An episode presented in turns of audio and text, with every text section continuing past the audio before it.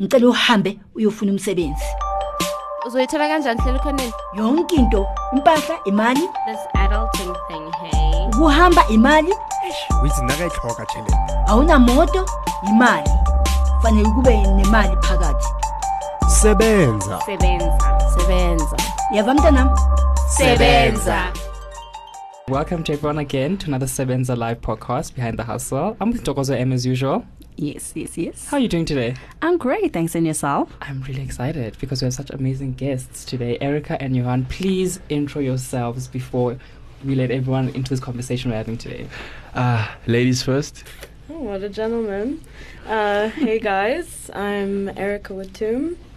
I'm the founder, co director, and editor of Buffer Magazine Publishers NPO. We are a non profit, eco friendly, and online arts and culture publication created especially for international black youth. And Yes. yeah, Johan. Uh, I'm Johan Mahumane. Uh, I'm the CEO and co-founder of the Collective. Uh, we're an e-commerce site which deals with reselling of pre-worn items and new items. So we are currently commercially online. So then we just deal with. Uh, we normally take care of, of your items. So we'll authenticate them if you're selling. Um, designer items on our site we Mm. make sure that everything is original because we have a no tolerance on fake and inauthentic items you know don't want to damage our name uh That's yeah the way. but let's get into how you guys actually started your, your, your respective businesses. So, officially founded in December of 2017. Mm-hmm. I had finished high school around May of 2017 and Mhm. I had chosen to take a gap year. The only way that my parents were going to fund the gap year is if I did something productive. Mm. I knew I was really not that keen on working for someone, even though I had promised them that I was gonna like take up a really great internship. I knew deep down that was not for me. Yeah. Um, I really wanted to have control over something, Mm. and I thought best way to do it is start something like a business in a field that I'm quite interested in Mhm. and that truly inspires me. Mm. So I grew up pretty internationally, moving around every couple years uh, around the African continent. And everywhere I would go, I would constantly meet creatives. But when I would move to a different country, I would want to share their work with people. Mm. And people would be like, like, who on earth is that? I never heard of them, never Mm. seen their work. And so I thought of creating a single platform that can act as a cross cultural exchange, whereby no matter where you are in the world, you can collaborate with us, share your work, and someone on the complete opposite end can learn about you, Mm. um, follow you, and from there build a solid relationship with you and your work and watch you grow as an emerging creative. Nice. Johan, Yeah. what, what, that's, That's how amazing. That's the follow up. Johan, what's No your pressure. backup? Hi, Dad. yo, yeah, that's yo she really set the stand yeah uh so we started the collective with me and my co-founder sipo charlie uh we were actually walking back from school weirdly Mhm. enough. So we were walking back from school we're like okay. Because he has a um a magazine called woke mag so Mhm. he's also a dope creative. Mm. and in our school we like we super dope with creative people. So one of my friend at the time uh, matthew uh, he's a model now. He models for like off-white and like all those designer brands. So then when i came up to him i was like okay wh- why can't we start a, an e-commerce site that can sell people's items you know? South africa is still quite an emerging internet space you know there's still not a lot of online shops and stuff. So then we went abroad for like three months. So Mhm. we went to around europe. And you know in europe we have like super dope sites. You have grail you have Deep depop and all these Mhm. sites so when i was there i was like okay i can sell my denim jacket over there and make money. But when i come here i can't really have no choice but to go cop a new one sorry Yeah. for, for my slang i'm sorry No, no, Bye, it's fine. It's fine. This is for So It's in Life. So, Oh, yeah, it's okay. Sorry, sorry, yeah. You. uh, yeah, so like I look at those sites and I was like, okay, let me let me take that inspiration and take it back home.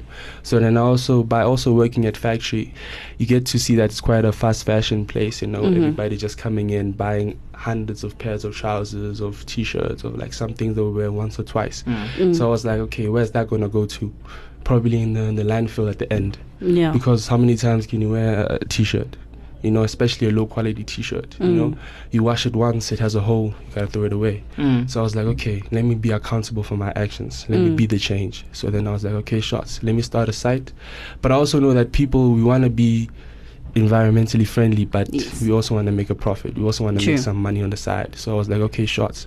Let me create a site where people can resell the items, but also make money, but also be the change as well. Mhm. So we can create a circular economy and employ more people. Because I want to build my company and grow it, so I can also be have a big office like this where I have people working. You know? yeah, yeah, yeah. If yeah. he's pointing at the studio and this is the office, I'm very, very okay. yeah. Wow. And then Johan, just to ask, since you guys like had to go overseas, right?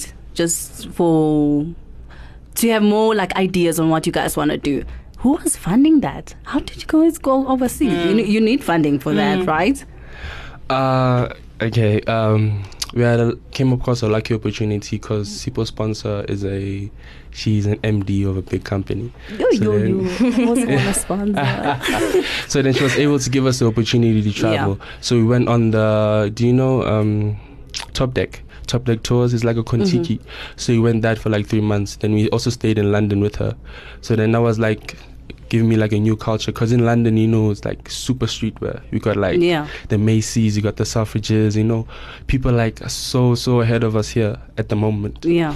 But like then, yeah, that exposed me to new cultures. So I'm thankful for the opportunity that the lady gave us Mm. to us to expose to Europe and everything. Yeah, so I was sponsored. Thank you, Miss MD. you know, women always take care of the kids, right? True. That's the Yeah, way. yeah, that is the way. True, true, true. All right, we're gonna go deep into more about slow fashion with both the perspective of the collective and Buffer magazine. But we're gonna take a small break and sort of get our advertising to pay a few bills, and we'll be right back.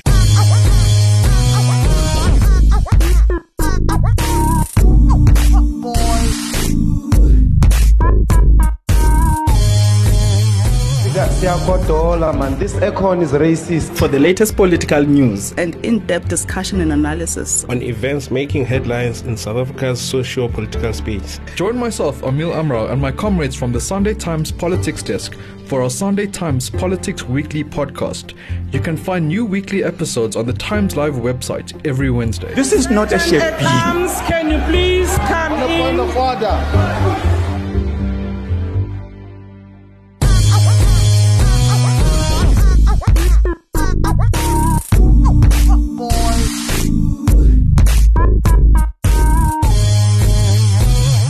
Everyone, welcome back.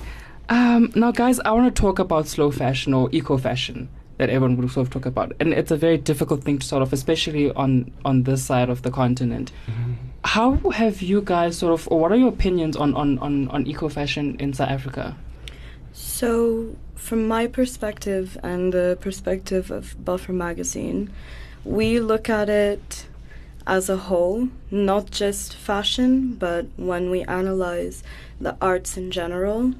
Uh, we chose to be online and strictly online. To this date, we've never put a single issue in print Mm. simply because I believe that digital is the future. There's Mhm. literally no reason for us to be damaging all the resources and damaging the environment as much as we do just to get our work Mm. across. And so, tying it now into fashion, um, it intrigued me.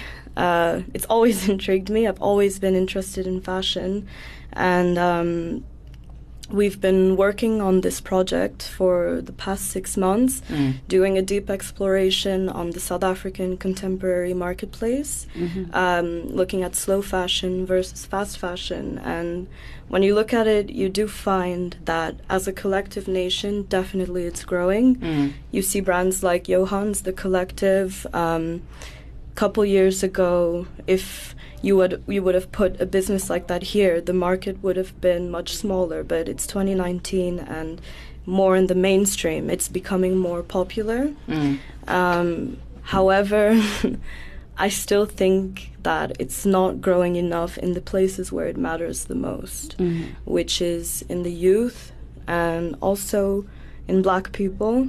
I think um, those are two markets and two demographics that hold so much power, especially economically and socially. Mhm. However, we f- find that we're not as far as we could be and as far as we should be. I think we're very fixated, and this is not like anyone's fault. It's how society is, it's how culture is. We're a very like social media driven generation. We look overseas, like Johan was saying, at Europe, at the US markets, and that's what we admire. But a lot of that, most of it, is predominantly fast fashion Mm. Which is so damaging. Like I can't even express how bad it is for Yeah. the environment, how bad it is for the economy, for local markets especially. Um, yeah, I just think. Do you have the same sentiment, Johan? Yeah, yeah, I do share um, sentiment. Um, slow fashion is as people grow, you know, we always want to be different, you know, Mm. and then fast fashion is there to give us that trend, that style. We all fit in. We all look yeah, the same. yeah, yeah, yeah, Ah. Because I feel like human beings, we always want to be like our role models. You know, people want to be like Kylie, people want to be like Kanye West. Mm. So then they cannot always afford uh, Yeah. Balmain trouser or something. So of course they will go to a, a Zara where you can get it for cheaper. Mm. And those businesses build those business models upon that. Zara is a fast fashion company. We have H and M. All those, you know, they serve a, a percentage of the economy, the population. So I think slow fashion is growing, but in Africa still needs investment. You know, Mm. you know, a lot of it is lacking investment here. You know, uh, I just took a report. Uh, the South African retail uh, made a revenue of about 600 million, 600 billion actually last year. So that's a lot of money. Mm. And you know, so where that money going, you know? Mm. Why are we not Mm. investing in our youth? Why are we not investing in our young designers, you know? Why aren't these big companies giving us collections, capsule collections to these young designers? Give us a perc- give us a slice of the cake, you know that as we said, I think there's a new trend now. It's called um, "Open Up the Industry." Yes. You know that hashtag on tw- on Twitter now. I think we should start to open up the industry, especially fashion. You know, got to invest into our people. Make sure that people can see it as a viable career option, not just as saying uh, something I do on the side. Mm. It must be said like when I grow up, I want to be a designer. Because I believe that in Africa we have Virgils here, we have the Jerry Lorenzos here. You know that they're here. We just need to like grow them and give them the platform, the tools. That's why I feel like our government is lacking. You know that Mm. they always want our votes, Yeah. but they never want to. Never want to like support us, you know. They're always there when it's time to vote. Let's go vote. They always target the youth. You always see them at UJ, at Wits. They'll come through, do their marches, and then two years later, our kids are out there starving, still waiting for higher edu- free higher education to this day. You know, more than Mhm. 20 years after. So I think we should definitely start to holding our people accountable, hold our government accountable. Yeah. Let's start being the change. You know that. Mm. I'm glad you mentioned accountability. Um, how do you guys think maybe more young people can be involved in making sure there's an involvement with eco-friendliness? And you know, they just sit there like, oh, hashtag it. Let's let's get involved. I think as consumers, especially as young people, Mm. we often forget our power that we hold in the society. Because, like Johan was saying, the government or patriarchy or people above us make it very, very hard for us to even just get a toe in the industry, let alone a whole foot.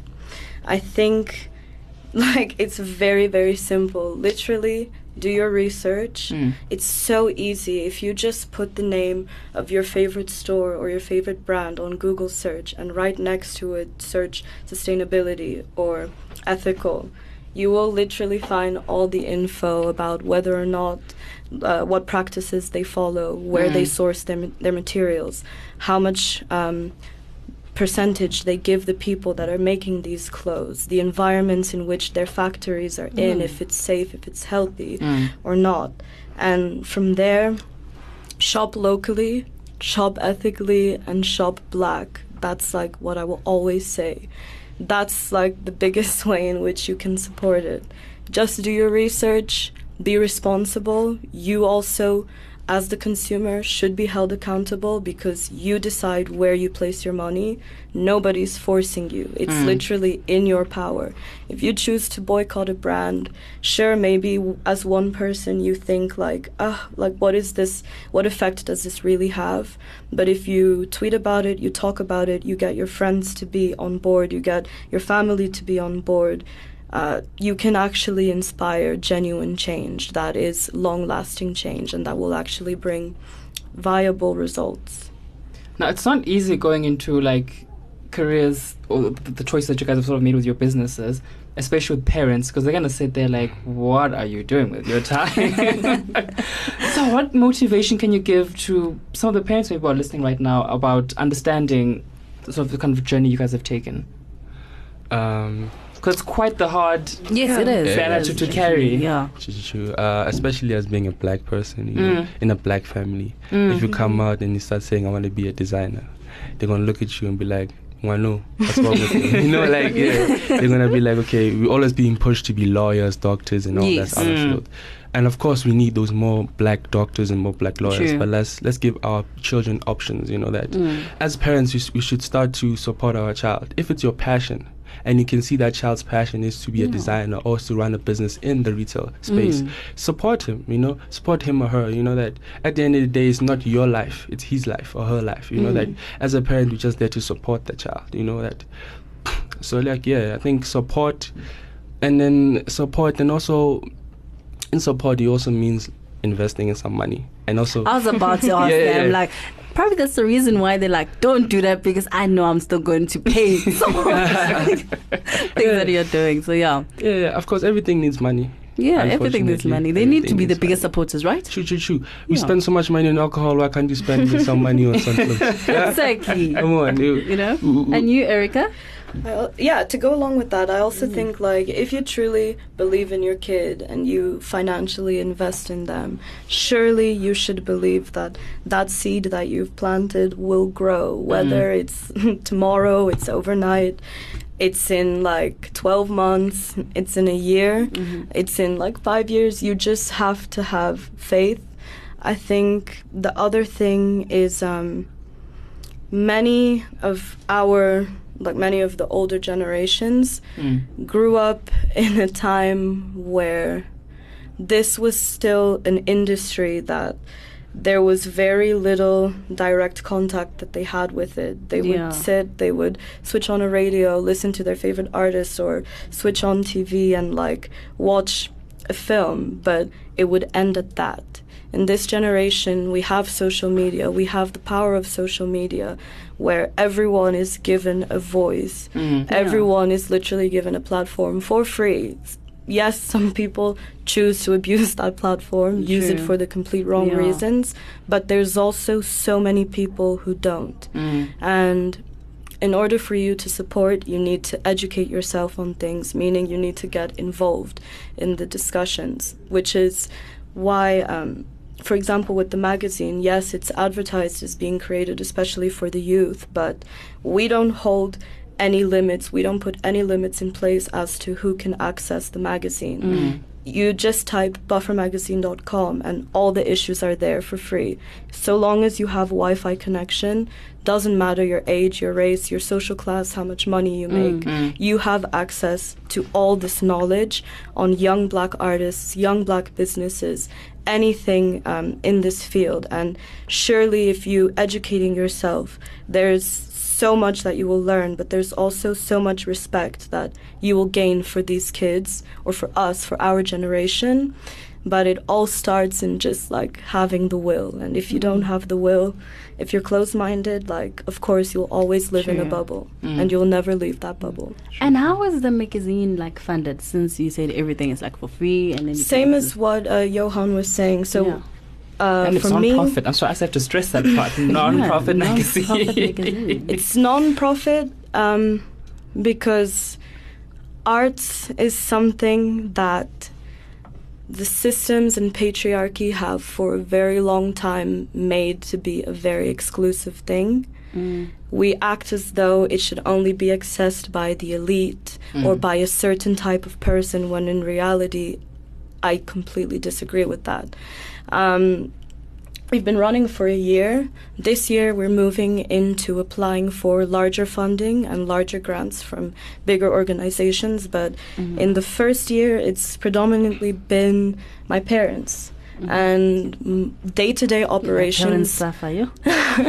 but you'd be surprised because day-to-day operations of the magazine it's like costs next to nothing Mm. the most expensive thing i've had to pay for like directly with the magazine is just buying a domain name Mm. but getting the template is free Mm. having a computer i own one like wi-fi you can find anywhere Mhm. everything that i need to do is like i can do on my phone or on a laptop Mhm. um, when and it's also just as you go through it you learn you'll realize there's so many things you can do from like the comfort of your bedroom Mm. without having to pull in crazy resources just using like your creativity and the cre- uh, creativity of those around you you you have everything that you need so um, it's not like uh, it doesn't cost that much to run to Mm. begin with. It's not like a multi-billion dollar industry or anything. It's like very small. It's such a niche little world. Um, but other another another avenue in which we are able to make money is also through advertising, and that's like external. It's not directly taking money from the people. It's taking money from businesses that Mm. want their product or their known. business to be known. Um, yeah. Cool. Now, guys, same with you. Yeah, yeah, true, true. like, uh, but like, I'm not. My family's not in a situa- not in a situation where they can support my business at the moment. But Mm. I've been self-supporting it, so I work. So like most of my salary will go into my business because running an e-commerce site is quite challenging. You know, Mm. you have to first buy a web hosting. You have to get a Wix account. You know, Mm. you have to build those templates, and those templates are not free. Mm. But like, if you push and push, and then you really manage your money, you can do it. There's nothing that can stop you. Something that always fascinates me people who are sort of doing one business side and one business the other side. How do you balance the two? How do you make the time for each one and give it really 100%? Time management. Mm. Time management. Uh, we all have 24 hours in a day, but how you spend it decides how successful you're gonna be. Yeah. Simple. Work smarter, not harder. Yeah, is true, all I have to say. Mm. Like, just work smart, manage your time well, and like things will come to you in due time. All right.